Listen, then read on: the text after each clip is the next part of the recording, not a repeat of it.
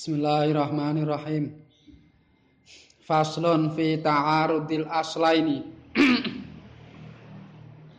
Faslun utawi iki ku ana fasal swiji fi ta'arudil aslaini ing dalem mertelakake perlawanane asal loro. Wahai suma ta'aradal aslani farajihil aqwa ala bayani. Wa quwwatul asli fi adidin hasal min zahirin awairi kama wasal. Wa jazamu bi ahadil aslaini fi hinin wa yajril khulfu hinan fa'arifi. Wahai suma ta'arada lan ing dalem dinggon perlawanan. Wahai suma ta'arada lan ing dalem dinggon perlawanan apa al aslani asal loro farajih mongko ngunggulna sapa sira? Al aqwa ing asal kang luwih kuat. Al aqwa ing asal kang luwih kuat. Ala bayani halena tepi ing atase katerangane ulama. Ala bayani halena tepi ing atase katerangane ulama halena tepi ing atase katerangane ulama. Waqwatul asli fi adidin hasal. Waqwatul asli utawi den wilang-wilange kuwate asal. Waqwatul asli utawi den wilang-wilange kuwate asal.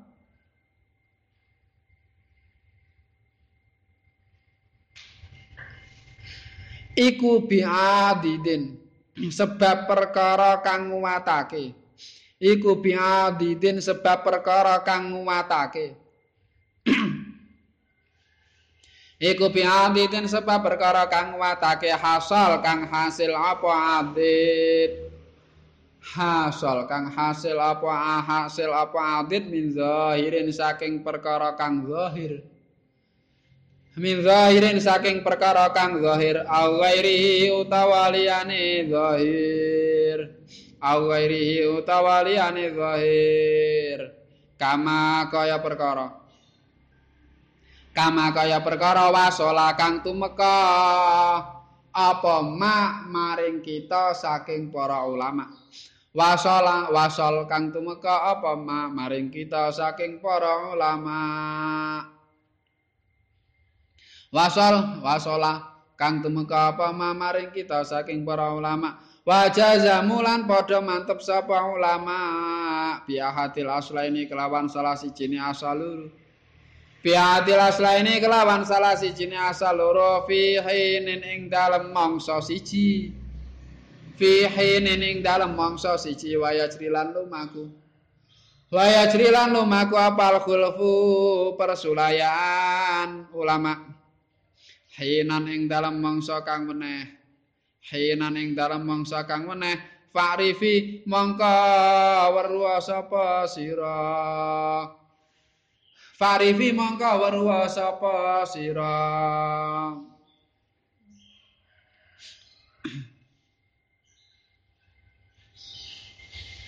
al murad wonten ing mriki Kiai Nazim Asyikh Abu Bakar bin Abil Qasim bin Ahmad Al-Ahdali. Wonten ing mriki Kiai Nazim Asyikh Abu Bakar bin Abil Qasim bin Ahmad Al-Ahdali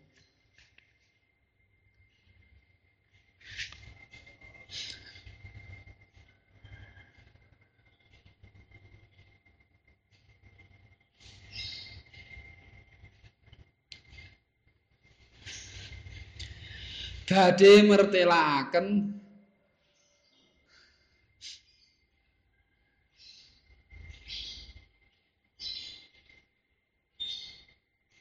Hukum nalika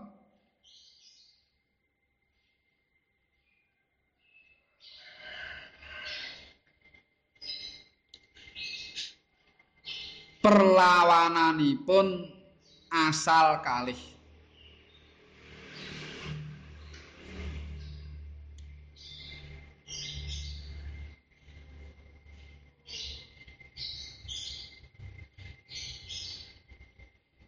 titik nalika asal kalih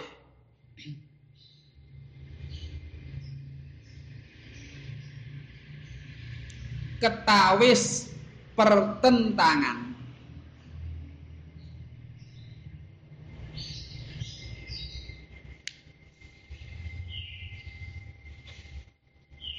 Punika dipun unggulaken.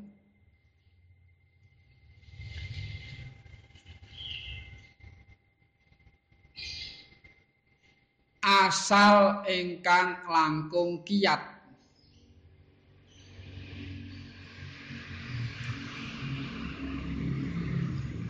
Asal ingkang langkung kiat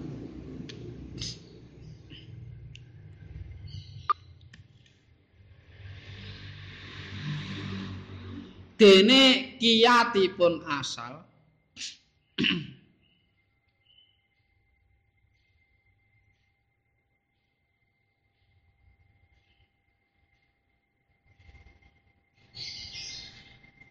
Punika kranten wonten perkawis lintu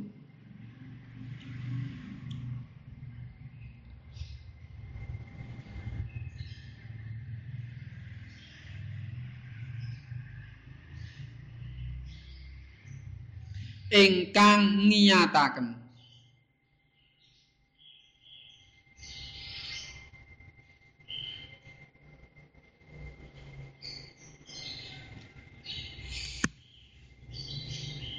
Kranten wonten perkawis lintu ingkang nyataken ingkang waget arupi zahir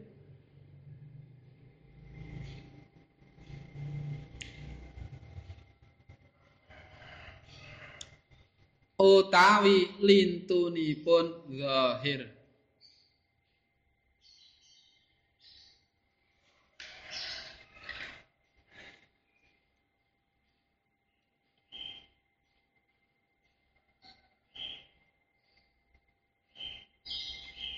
Titik.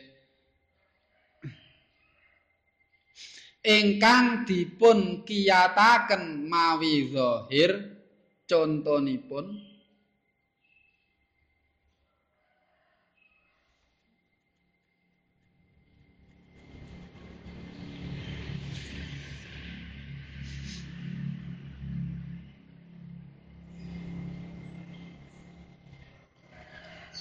tiyang ingkang peluh. Tiyang ingkang peluh.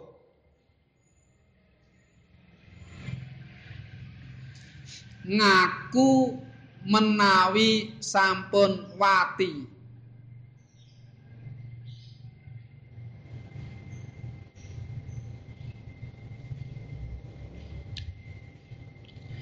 saklebetipun maos.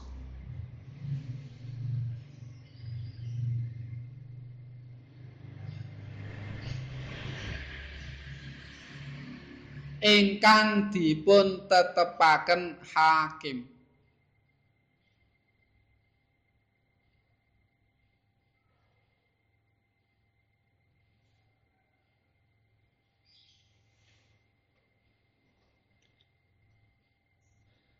lan kawontenanipun tiyang peluh menika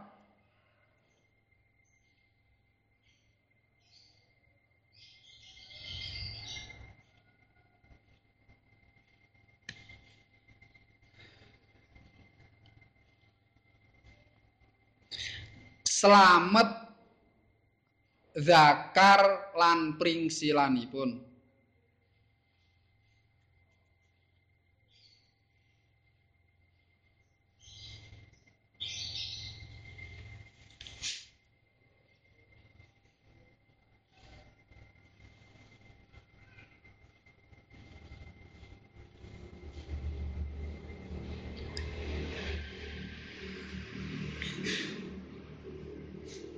punika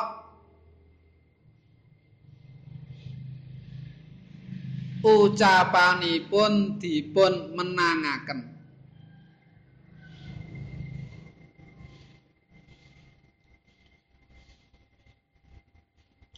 Punika ucapanipun dipun menangaken. Tanpa khilaf.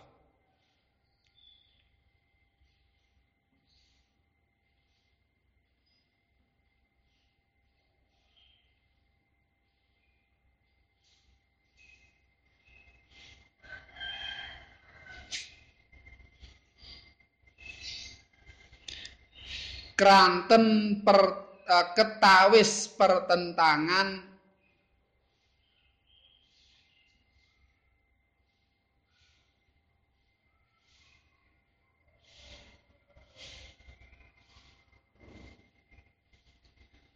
Antawisipun.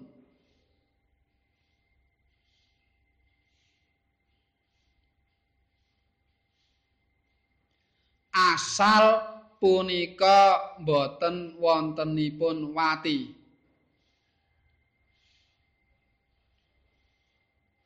Asal punika boten wontenipun wati.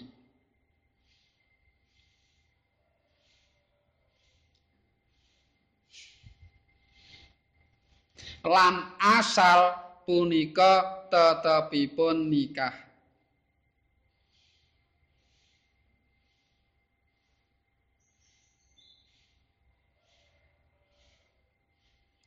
lan asal punika tetepipun nikah. Lajeng hukum asal tetepipun nikah menika Lajeng hukum asal tetepipun nikah menika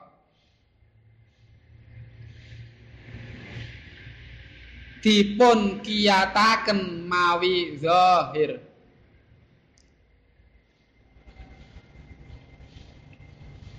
dipun kiyataken mawi zahir.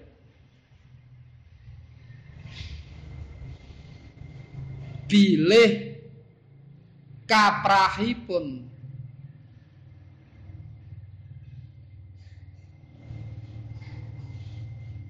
Bilih kaprahipun? Tiyang ingkang slamet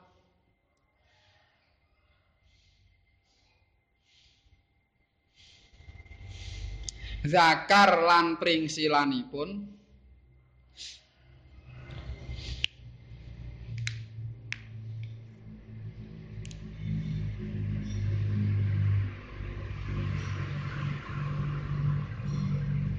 zakar lan pringsilanipun punika boten peluh.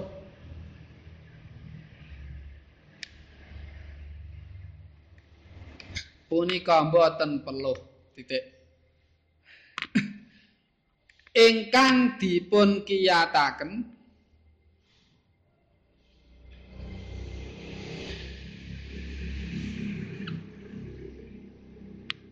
mawi saklintunipun zahir.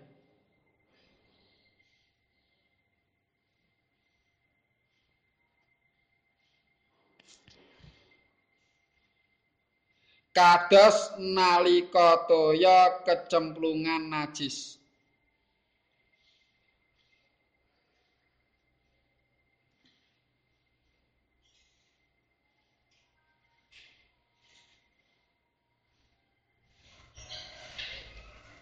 kados nalika toya kecemplungan najis lan boten ewah.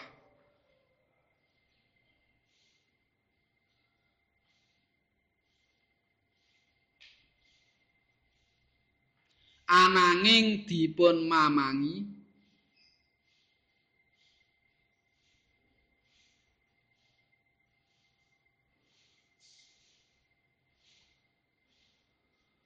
punapa kalih kolah punapa kirang?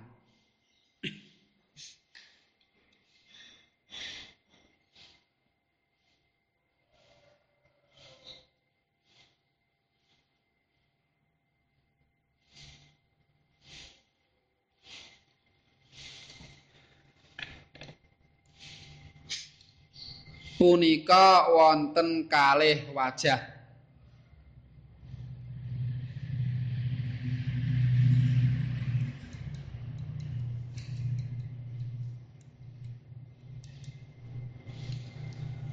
miderek Imam Mawardi.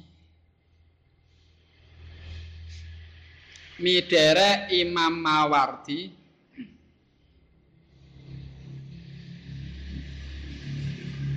Dipun hukumi mutanajis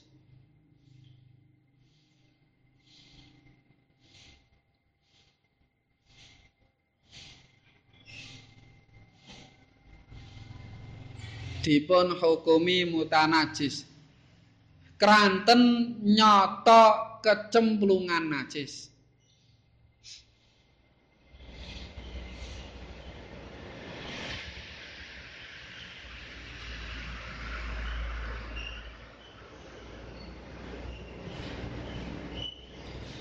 Lan hukum asal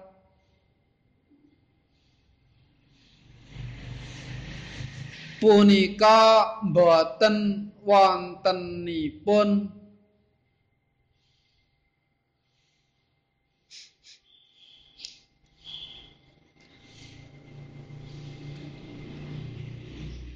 sifat kathahipun toya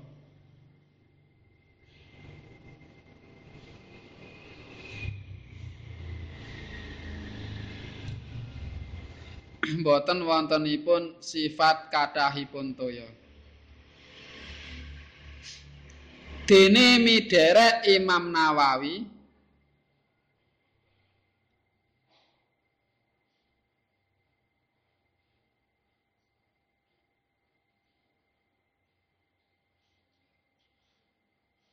Dene miderek Imam Nawawi punika boten dados mutanajis.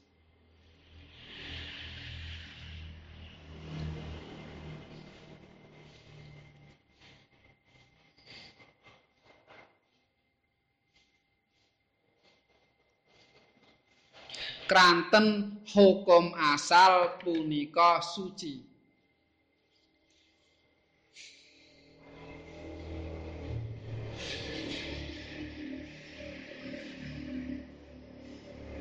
Lan kita mamang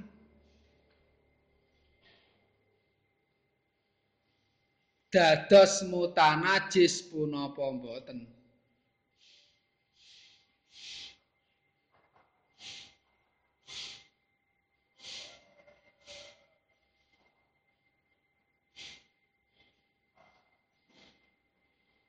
Ing mangka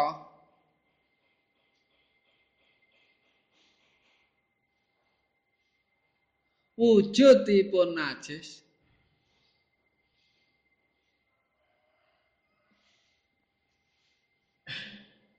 boten temtu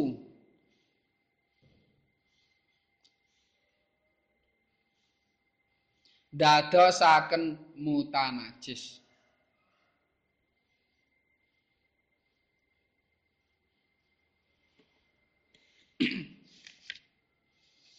dadosaken mutanajis titik. Kaluhu wajazamu bi ahadil aslaini ila akhirih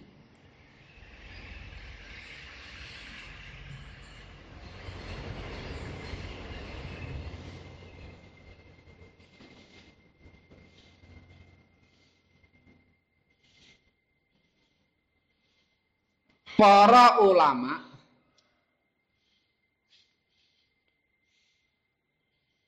mantep.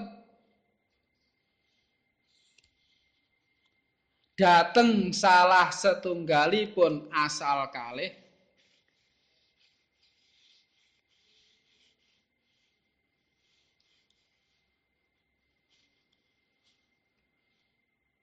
Wonten sebagian masalah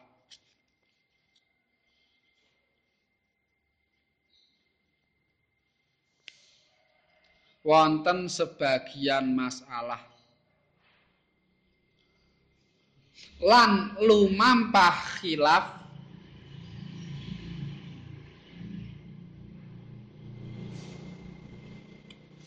Wonten masalah ingkang lintu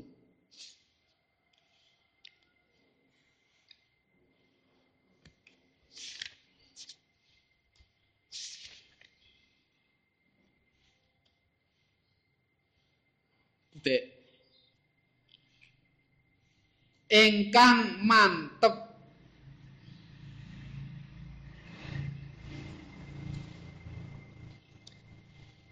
Dateng salah setunggalipun asal.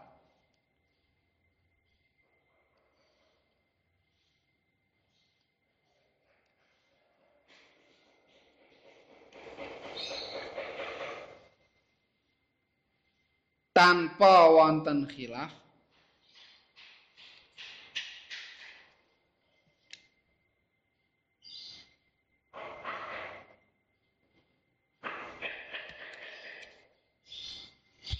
Kados tiyang niat siam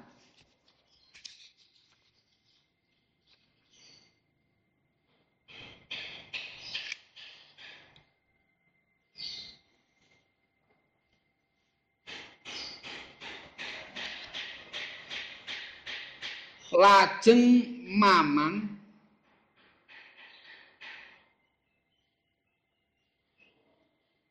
punapa niatipun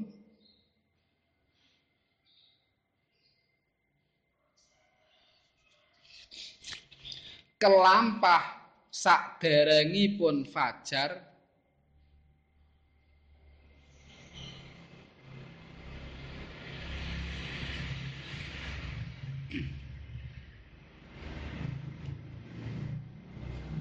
punapa sak sampunipun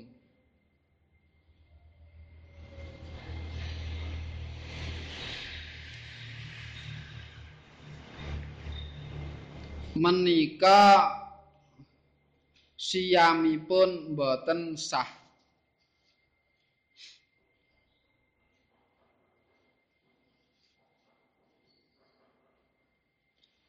Kranten hukum asalipun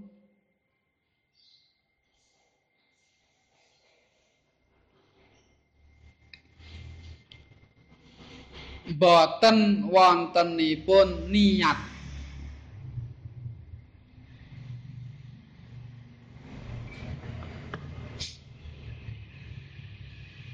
saderengipun fajar.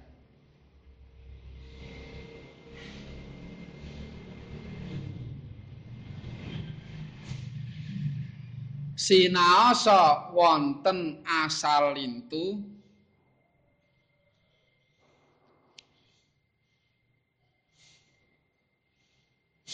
inggih punika tetepipun dalu.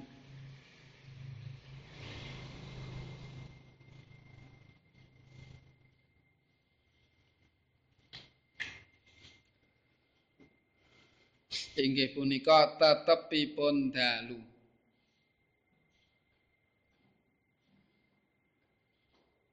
Titik. Ingkang wonten khilaf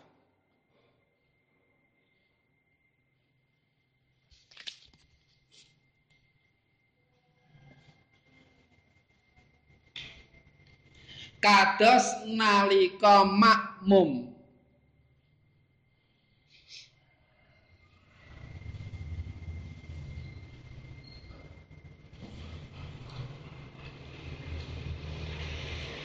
Saged manggihi imam wonten rukuk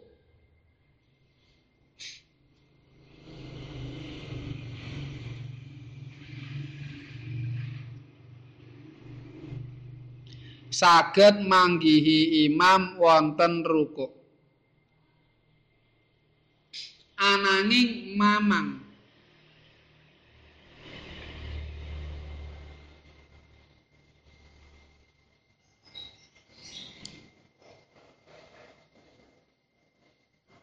Punapa waget tumak ninah? Rukuk sareng imam punapa mboten?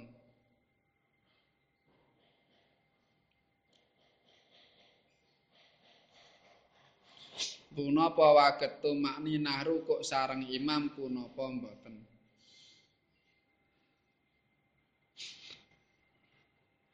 Punika khilaf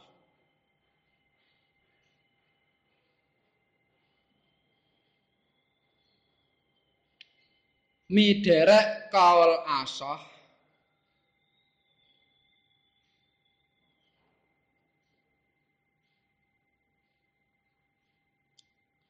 boten kawestanan.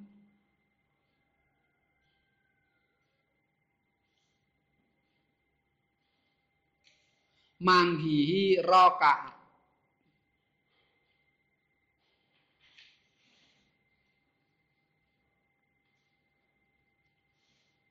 boten kawestanan manggihi rakaat kranten hukum asalipun.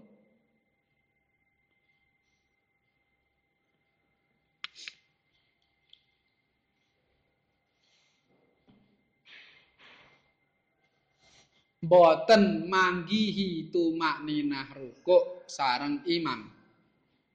Boten manggihi tumakninah rukuk sareng imam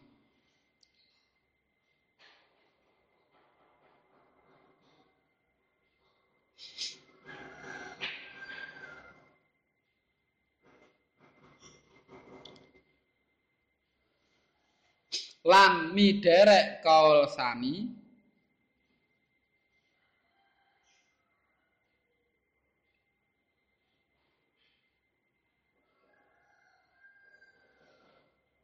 Kawestanan manggihi rakaat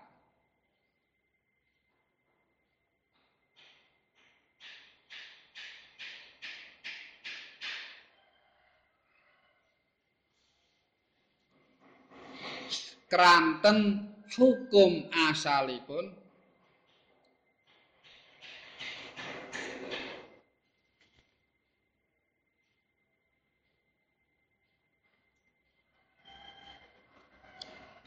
Tasih tetepipun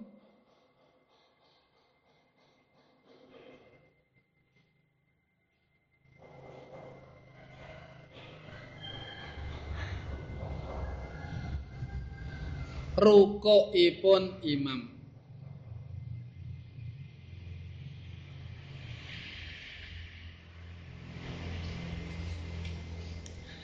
Lajeng asal.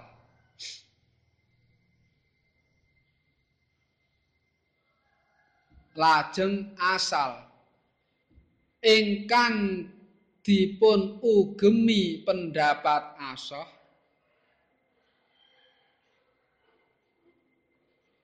lajeng asal ingkang dipun ugemi pendapat asoh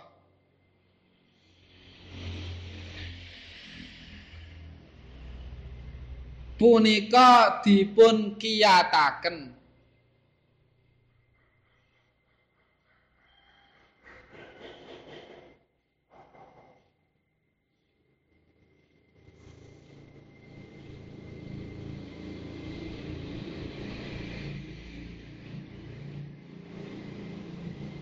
bilih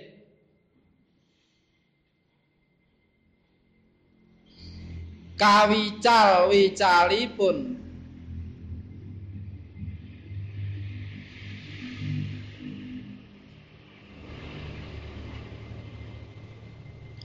Pendamelan saderengipun rukuk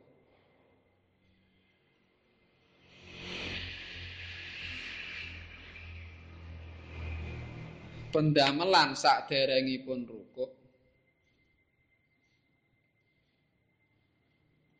mawi dipun tanggung imam.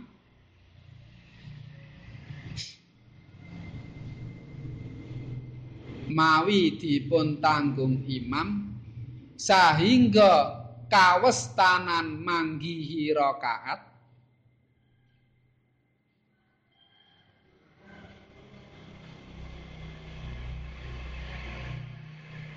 sahingga kawestanan manggihi rakaat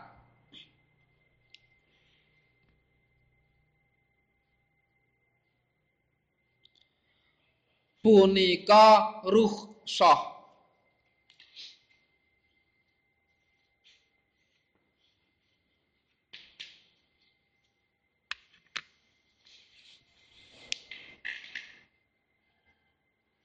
punika rukhsah ing mangka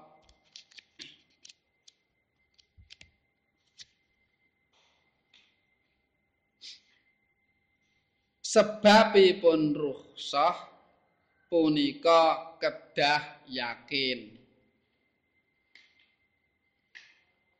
Sebabipun rukhsah punika kedah yakin. Titik. Bismillahirrahmanirrahim Faslun fi ta'arudil aslaini fasal jelasne nalika pertentangan antarane asal loro. Nek wingi pertentangan antarane asal karo zahir. Saiki pertentangan antarane asal loro. Iki bab ketoke simpel sithik tapi penting banget. Sebabe wakeh banget persoalan-persoalan fiqhiyah iku sing ning kono iku ana pertentangan dadine masalah tapi ketoke ning kono ana dua asal sing berperan. Nah, nek cara dangenangen sekilas iki ketoke hasilnya nanti bertentangan. Iku oke banget. Oke banget. Nah, mulai saka bab toharoh nganti tekan kok bab syahadah. Wah, oke banget itu. Tekan bab bayina, tekan bab jinayat kono wis urusan ta'arudul asla ini kok akeh banget. Nah, didawono wahai sumata aradul aslani farajil aqwa ala bayani. Nek ana asal loro kok ketok bertentangan. Ketok bertentangan, nek bertentangan ya ora wong asal loro nek bertentangan tenan ya ora ana hukume. Berarti asal loro sing sekilas ketoke bertentangan, nek ngene iki berarti engko sing dimenangke asal sing luwih kuat. Ngono. Asal sing luwih kuat. Nah, kapan asal iku diarani kuat didhawuhna waqu watul asli bi adidin hasal min zahirin wa ghairihi kama wasal. Asal iku iso dadi kuat nek ana perkara liya sing nguatne. Ana faktor liya sing nguatne asal mau. Sing wane asal mau iku bisa rupa adzahir, bisa liyane adzahir. Adzahir ya wingi adzahir berarti perkara sing sing uh, kemungkinan iku apa kaprae iku bisa kelakon wingi sing didhawuhna adzahir. Dadine sing umatne asal iku bisa perkara liya bisa wae berupa adzahir, bisa wae ora adzahir. Pokok sing dadekne akhire sing asal mau luwih kuat dari asal sing sijine. Sebab ning dua asal bertentangan. Nah, apa contone? Contone sing asal sing dikuatne karo zahir. Contone nalika ana wong didakwa peluh. ana wong didakwa peluh, peluh ke impoten. Nah, dadi ana wong ana wong wedok lapor ning pengadilan, mu nek bojone kula niku peluh impoten. Iki kan ku wong wedok kan oleh njaluk fase. Tapi syaratnya melewati masa pembuktian sik ngono. Dadi ana wong lanang, ana zaud didakwa peluh, didakwa impoten gone pengadilan. Kan pancen oleh to lapor ngono kuwi. Pengadilan lapor nek bojone Lah kok pengadilan ngurusi kaya ngene barang ya justru ana ning pengadilan iki kanggo ngurus-ngurusi kuwi kok ya terus. Ora urusan gedhe, ora urusan cilik jenenge pengadilan iku ngurusi orang sing berseng ketan. Aja yo dangkep lho cuma masalah kaya ngono wong impoten urusan rumah tangga gone pengadilan. Pengadilan mesti ngurusi sing gedhe-gedhe, ngurusi pembunuhan, korupsi macam-macam. Ya ora ngono iki jenenge pilih kasih. Wong kabeh ana hukume Gusti Allah, kabeh ana hukum me kabeh ya ana syariate. Arep urusan iku ketoke sepele, ketoke gedhe, ketoke cilik, sing penting niku ana ana bertentangan, ana sing perkara sing bertentangan dan memenuhi syarat-syarat liyane ya iso digawa ning pengadilan. Ya anane hakim ki kanggo mutusi wong selisih kuwi kok. Agama ora mengurusi ora mengurusi pembunuhan, ora mengurusi wong korupsi, agama ya ngurusi wong peluh barang. saking lengkapi agama. Ora yo terus kok ngono gone pengadilan justru le kok ngene yo mulo gone pengadilan nek umpama ora cekcok ya rasa gone pengadilan. Lah mergo le kok ngene iki akhire digawe ning pengadilan. Nang urusan kaya ngono kalau justru urusan kaya ngono ya digatene agama ya ana hukume ke. Kok terus agama ora pilih kasih. Ora njok sing durusi urusan gede-gede wae. Urusan cilik ya durusi. Nganti wong hate metu getih durusi ya. Nganti wong kena riye njok metu getih sithik maafu apa ora diurusi ya. Nah, urusannya bukan masalah gede cilik masalah, tapi urusannya adalah urusan ini ana sengketa ngono. ana seng sengketa. Lan hakim ya kudu mutusi, ya padha tengginase karo ngurusi urusan gedhe. Sebab iki iki padha-padha minangka uh, kanggo menegakkan hukum sing sing wis digarisno ning kon fikih ning kon syariat. Mulai yang ini ora apa-apa. Nek memang ana masalah ya sing arep nyelesaikan sapa? Daripada kerasan-rasan tok, daripada kerasan-rasan tok, curhat ana curhat ini ra ana jluntrunge ngono mula urusan ngene iki ya juga diurusi pengadilan ya masalah ora apa-apa. Banyak pengadilan kuse mutusi Mas. Ane perkara-perkara sing gedhe wis entek kabeh kare sing cilik-cilik ya sing durusi cilik-cilik kuwi. Ane ora ana urusan ya berarti sapek ngono lho. Kaya mbiyen zaman sapa khalifah sapa kae? Eh zaman Sayyidina Umar kata sing sing dadi sing dadi juru pengadilan saya dinali nek ora salah. Apa iku nganti suwe banget pirang-pirang sasi ra ono sing lapor. Mergane ora masalah. Artinya tidak ada masalah bahkan berarti njok negarane aman ya ora. Setiap masalah itu bisa diselesaikan dengan cara yang elegan, dengan cara sing kepenak. Ngono lho iso dirembuk. Akhirnya ora butuh nganti tekan pengadilan. Apa zamane sapa ke zamane Iyas apa sapa? Lali aku. Kuwi ana cerita ngono kuwi. Mandang akhir ya, ya ana meneh ya iki sing dudu sadene ali ana meneh. Ning suatu masa iku. Iku nganti wong ora ana ning pengadilan saking apike. Masyarakat wis do tumata, akhire ora gampang cekcok. Pirang-pirang sasi ora ana sing pengadilan, mergane ora ana masalah negarane. Nah, satu ketika wis ditunggu pirang-pirang sasi ra ana, iki hakime nganggur to. mandang-mandang teko ana masalah iku gara-garane apa cuma wong cekcok ana wong tuku lemah Njok terus ning jerone lemah iku ana bondrone. Sing termasuk apa mal lho. Mal. Nek ning kon bab bab apa jenenge bab ah sing mustarak kan ana masalah mal-mal. Sing poin ning jero ana minyak bumi, apa ning jero ana emas, padahal kan ana perincian hukume. Ning kon masalah fikih. Iki mbok masalah apa tapi sing penting ning kono ana wong tuku lemah njuk ning jero lemah ki ana bondo. Lah iki sing tuku karo sing adol iki beda pendapat, petentengan. Nek carane sing tuku, sing tuku njuk ngomong karo sing duwe lemah mau sing adol. iki ke aku tuku lemah lah kok jerone ana barange berharga kaya ngene iki. Ning ngene, iki barange tak barekne sampean. Wong iki dudu ngono aku tuku lemah kok malah jerone ana barange. Berarti barange dudu hakku, dudu hake sampean. Wong aku tuku le lemah. Lah sing adol ya ora gelem nampa, ya ora iku nggon sampean. Aku iso, lha sampean tuku lemah, Lah tapi barang iki kan ning jero lemah, berarti ya nek lemah sak ngisore tekan ngisor jake sampean ngono. Iki dudu hakku. Wong lama wis ngono sampean wis ning jero berarti hake sampean. Asing adol ora trima ora wong aku iki tuku lemah kok malah dinai barang gedhe kaya ngene. Ogah. Iki dudu hakku, berarti ngono sampean wong aku gerno tuku lemah.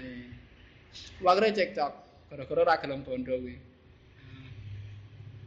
Ndak ono ngene iki. Ah sing siji sing siji sing siji ngotot pengen ngenehke ning nggon sing adol dhek rumasane ger tuku lemah. Sing adol ya rumasane ya dudu nggonku wong kuwi njero lemah ya hak sing duwe lho mak mesti tuku akhire gawane pengadilan. Seribu iki. Duh piye penyelesaian? Akhirnya karo hakim daripada geger wis ngene takoni sami ndek anak ora. Nggih lanang apa wedok? Wedok. Sing sampean duwe? Nggih anak anakmu lanang wedok? Lanang wis grabekno wae lak malah penak to kuwi. Akhirnya anaknya dirabekno, anaknya sing ngadul karo anak sing tuku mau, anaknya dirabekno. Wis dirapikno lanjut terus dadi kon anu to kelanjutane dadi tinggal anake ya ora cekcok to ya. Wis bingung ini barangi kon so siapa? Ya ono di masalah ngono ki. Masalah cuma ra gelem le. Ya kaya Pak Mung Ganojo mbiyen. ana wong ana wong arep adol jaran. Kayak regane pira jam semono lali aku. Taruh wae regane 30 yuta. Ana wong mara ning Pakmu tawa jaran regane 30 yuta. Akhirnya Pak Munggarjo jawab, aku gelem tuku jaran iki, tapi tak tuku 35 yuta. Mbak sing adol ora gelem kula kula niku ajeng sadi 30 yuta kok jenengan bayari 35 ya mboten turun kula. Yo, aku gelem nuku ning 35 yuta, 30 yuta ora gelem. Asing bakul ya ngotot, nek 30 yuta, nek 35 mboten purun wong kula sing adol kok kula ngerti regane jaran iki 30 yuta. Ane daripada jenengan bayari 30 yuta mending tak nehke jenengan kula malah rapopo. Daripada dibayari 30 yuta nek ajeng itu pas 30 yuta nek bayari 35 kula mboten purun. Daripada bayari 35 mending tak, tak paringke jenengan kula malah angsal. Dibek mriku. Bapakmu ya ora kersa. Aku pengen tuku kok ning aku pengen 35 yuta. Mbok akhirnya piye? Aku ceritani ngono tok terusane ora ngerti. Wes balik ning masalah iki. Ning masalah iki berarti ana wong lanang zaud didakwa nek dhek iku pelo impoten dilaporne ning pengadilan karo bojone nek dhek impoten. Lah iki kan pancen hak memang wong wedok oleh melaporkan ning pengadilan nek bojone impoten. Tapi ora iso langsung diputusi fase. Lah piye ditunggu setahun? akhirnya dine waktu. Ya seneng ngono akhirnya karo hakim dine waktu setahun. Ini setahun ternyata kok iso jima iso ngadek ya berarti ora ora peluh ngono lho. Wingi ora penyakit. Tapi nek nganti setahun kok ya tetep ora iso ya berarti panjang lara wonge ngono sebab iso wae wong jenengane jenengane ora iso jima iku ora iso ngadek ora mergo penyakit. Kadang-kadang ya memang figrit kadang-kadang ya memang ora pati ora pati syahwat karo wedoke utawa mungkin pas musim, musim dingin nek kaya ning Indonesia ra nemen kene ademe sepiro. Ana kaya ning daerah sing empat musim kadung adem kaya di bawah derajat to. Arabi musim dingin ditunggu patang sasi sing lanang ora tangi-tangi Iya mergo kadem nang patang sasi pas musim dingin kaya es. Mulane jadi ditunggu setahun, setahun jajal setahun iki setahun kok iso iso ngumpuli sing lanang iso wati ya berarti ora lara iku. Wingi mbah apa paling sing ndredeg grogi ngono urung tau rabi kok terus rabi dadinya grogi. Ora ngerti carane grogi. Ya ana wong rabi ora ngerti carane jenenge jenengane tabat karo iku mesti cerita mbah kene ana wong eh, cah pondok lanang jenenge tabat ana santri putri jenenge abud padha wong lugune Hmm, saking lu gune nganti ra ngerti dirabekne ora ngerti yo nek rabi ki yo ngopo ora ngerti. Akhire mateng dirabekno entuk sedina rabekno to, sing rabekno kiyaine iki. Wis, bare esuk takon lho kiyaine, piye tabar bengi piye? Nggih sae yai. Sae piye? Ah, nggih sae, sedaya sae. Lah bengi turune ngendi nggih? Nggih, kula tilem. Mane kan ora ngerti nek rabi iki yo dadi sak kamar, yo ora ngerti. Dadi nek uripe dhewe-dhewe yo demung iki ae. Yo ora ngono nek rabi iki turune sak kamar. Nggih napa yai? Heeh, rabi nek wis rabi turune sak kamar. Oh nggih, nderek. Akhire tenan. Rabi turune sak kamar. Mantap wis turu sak kamar esuk tak kali karo kiai ini. Piye bat apik? Nggih sae. Sae piye nggih ngistaken dawuh kula kalian abut men tilem setunggal kamar. Lah turune piye? Angge tilem sing abut tilem teng kasur kula tilem teng ngandhap gelar kloso. Ya ora ngono kuwi wong rabi ke ora ngono kuwi cah njuk pripun? Pancen wong lu dadi ora ngerti. Wis sak terusé kapan-kapan lah terus nah iki uh, ditunggu setahun nek kira-kira kok setahun iku iso wati ya berarti panjen rapopo ngono lho Berarti wingi-wingi mbok ora ngerti carane apa pancen terlalu lugu wonge. Ya apa ana wong lugu ya akeh banget wong lugu kok ora ana. Mosok jaman semene ana wong ora ngerti babagan kaya ngono. Ya justru kuwi sampeyan sing kurang pengalaman ki pikirane elek terus ya demene wong kok sing ngerti kok ngono wae. Nah, pikirane ngeres terus ketemu wong ngeres. Pikirane resik ya ketemune wong sing atine bening ora roh apa-apa. Kaya Imam Nawawi. Imam Nawawi umur 18 tahun durung paham. Maca bab apa maca bab mujibatil husli ke lho pemahamane sing keliru. Hmm. Pemahamane sing keliru. Ora paham sing jenenge mujibatul husli terus jenenge muni apa muni khurujul mani terus apa jenengane etika khitanan barang ngene rong paham iku umur 18 tahun Imam Nawawi. Apa ana saiki oke? Berarti lah normal, ya ora ya normal, cuma bening pikirane ngono. Ah nek kaya awak-awak anak kecil wis reget pikirane, dadi durung balik wis paham. Nah nek iki paham durung balik. Ono ya ono akeh. Aku ora tau ketemu, ora tau golek. Bisane ker berasumsi tok. Oke. Gusti Allah tetep gawe wong sing resik-resik itu ono terus. Nah, lapor ning pengadilan. Ini dine waktu setahun. Nek setahun panjang hisawati ya berarti panjang DE waras. No ora ora perlu ora impoten. Tapi nek ra iso wati ya berarti kan dicurigai ya apa ora iso wati ya ora paling. Lho ternyata di tengah-tengah masa setahun mau iki sing lanang mau lapor ning pengadilan kula pun iso wati. Ngono lho utawa lapor sawise entek ora apa-apa kula mun iso wati kok wingi dalam jangka setahun iku kula mun wati Nah, sing wedok tetep ora trimo, mboten dereng kok dereng dimek belas kok. Serana ngaku wis wah. Nek ngene iki padha-padha ora ana seksine, jelas ora ana seksine sapa sing nyekseni. Ora ana seksine ngene iki sing dimenangne sing lah lanang. Sebab apa? Ning kene bertentangan dua asal.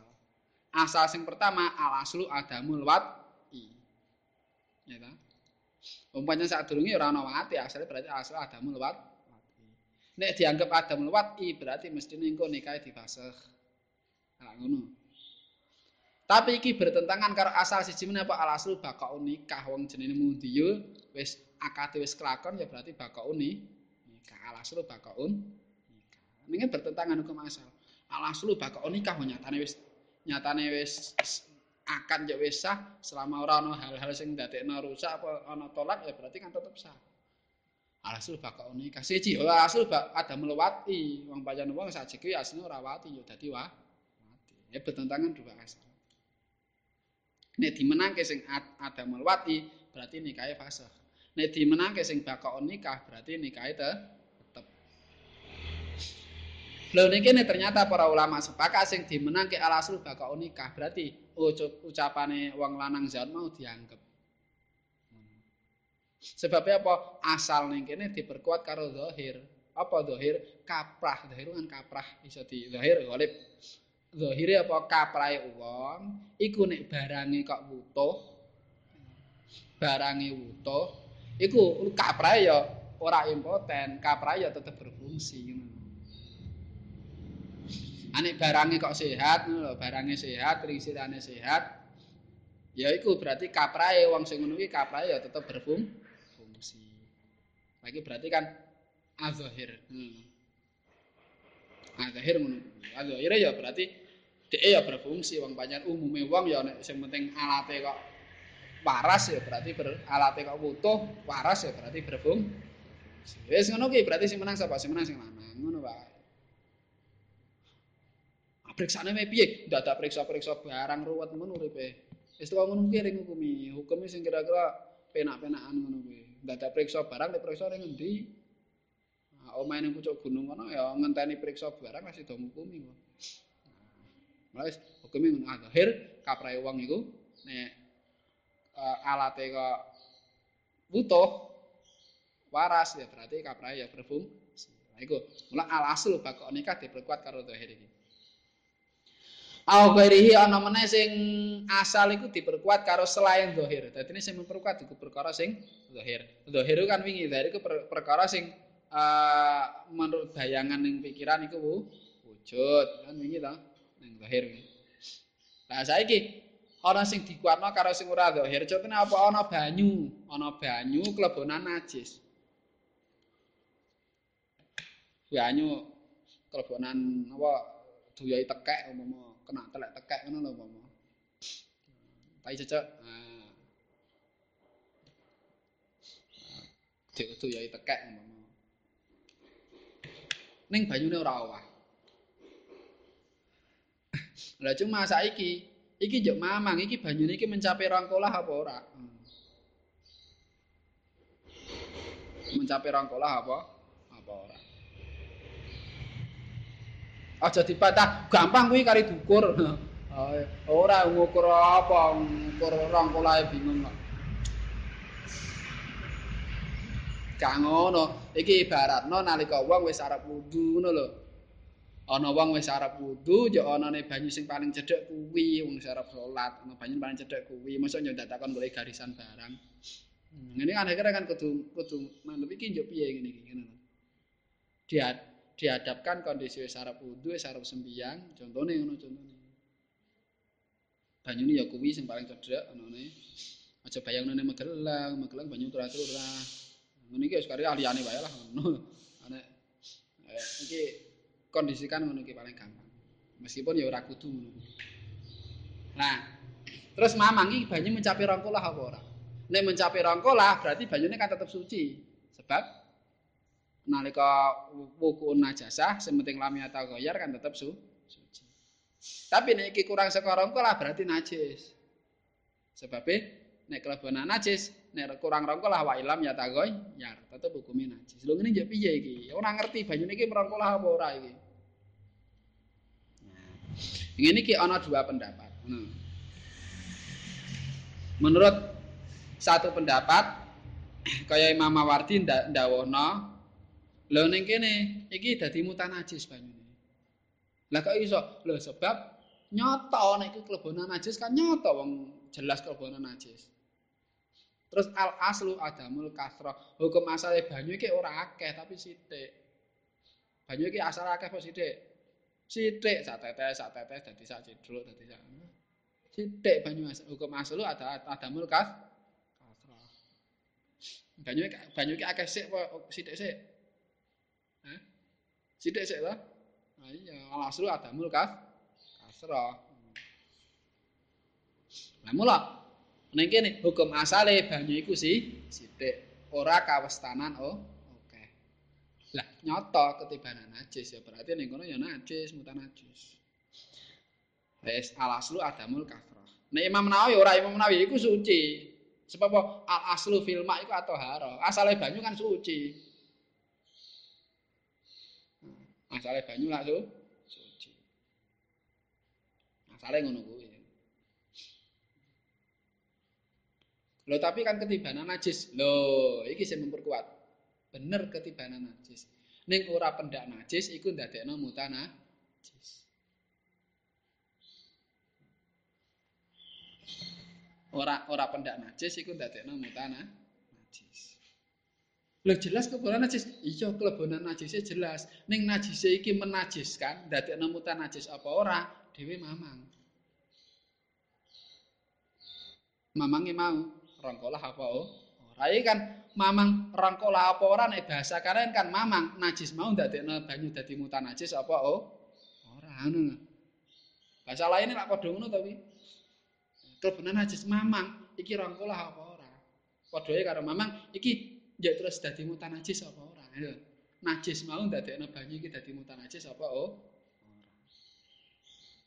nah al aslu atau haruf Loh, tapi asal ada melkatro. Loh, ora setiap najis ndadekno mutana. Berarti ning kene, berarti ning kene tetep iki najis apa ora tetep ra iso dadi mesti kita tetep mamang terus sebab layal jauh minan najasa atanat najis. Najis ora mesti ndadekno mutana najis. Berarti ngono hukum-hukum asal asal atau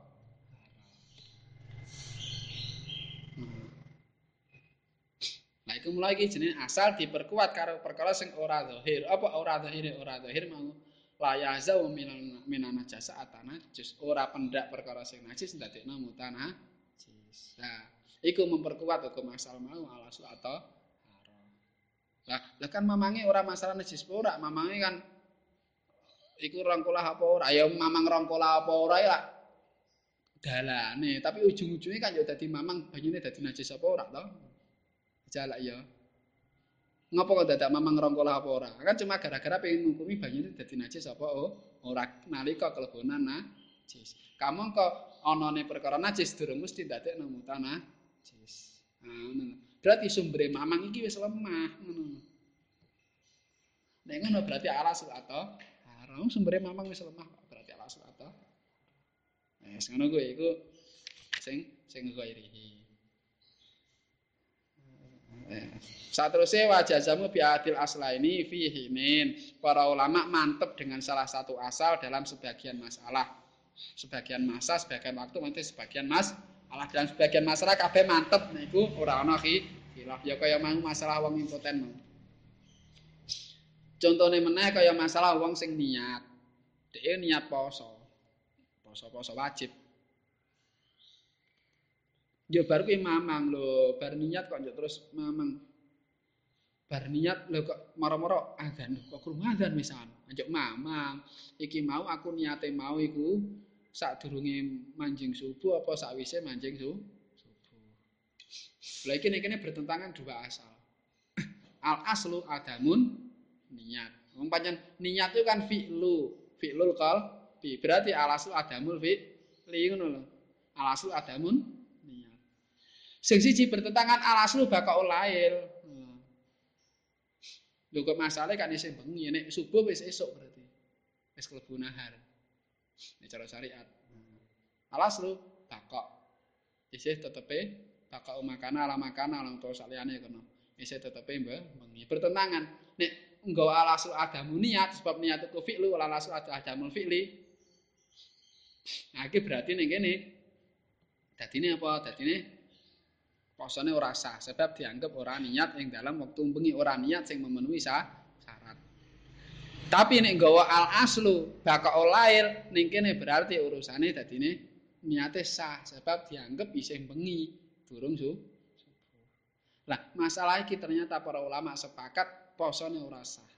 Sing dimenang ya iku al aslu adamun niat ing dalam waktu Sebab apa urusane niat, niat iku syaratnya jasmu, ana syarat-syaratnya wingi. Hah? Ana syaratnya niat, waktune niat kan wis kabeh. Nek kira aklakan ya niate ra sedo mantep wong jane niat padahal kostu. Mula menang adamul adamul fi'li iki sepakat ulama. Senajan nek umpama didawak-dawake di emper-emperno ya memper. Memper iso wae diarani bakaul fi bakaul Tapi ternyata ora dienggo para ulama. Ya cuma memper salah secara pikiran tapi ora dinggo sebab kaitannya karo masalah niat. Terus supaya dilkul fuhinan fa'rifi terkadang khilaf. Nalika ana asal loro terkadang khilaf. Contohnya apa? Ana wong salat keri. Salat keri. Nalika tekan panggonan salat, imame wis rukuk. Akhirnya dia kan langsung tekbir, tekbir itu ihram, Allah Akbar, terus langsung tekbir ruko ngono lho. Allah Akbar kabeh ihram ya terus langsung bar kuwi takbir ruko. Lah dhek ruko imame kok ngadeg tidak. Akhire mamang. Lho syarate iso diitung rakaat iku kudu menangi ruko bareng imam tapi tumak nih. Syaratnya lah ngono nih kan fikir. Lho saiki dhek ruko lho imame kok ngadeg tidak. Yuk mamang deh, saya mau, ya toh.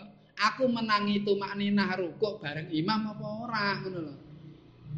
Jangan-jangan aku aku rukuk blek, imamnya langsung ngatek, berarti orang menangi itu Neng mungkin wae iki aku blek waktu ini sendiri kan tuh makninah orang aku suwe itu sak detik cukup loh.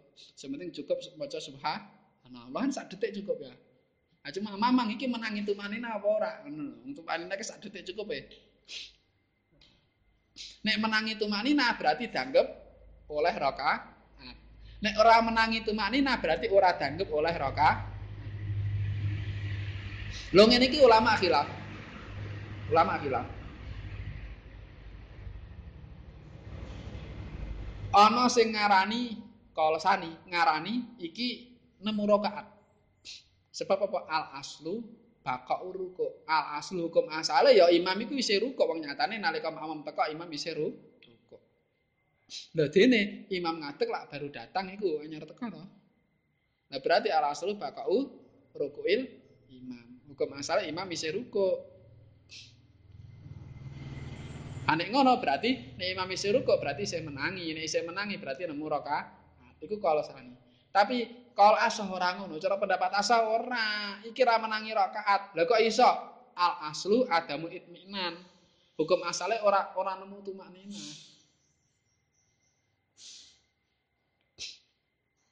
Al aslu al a adam gak ngono to.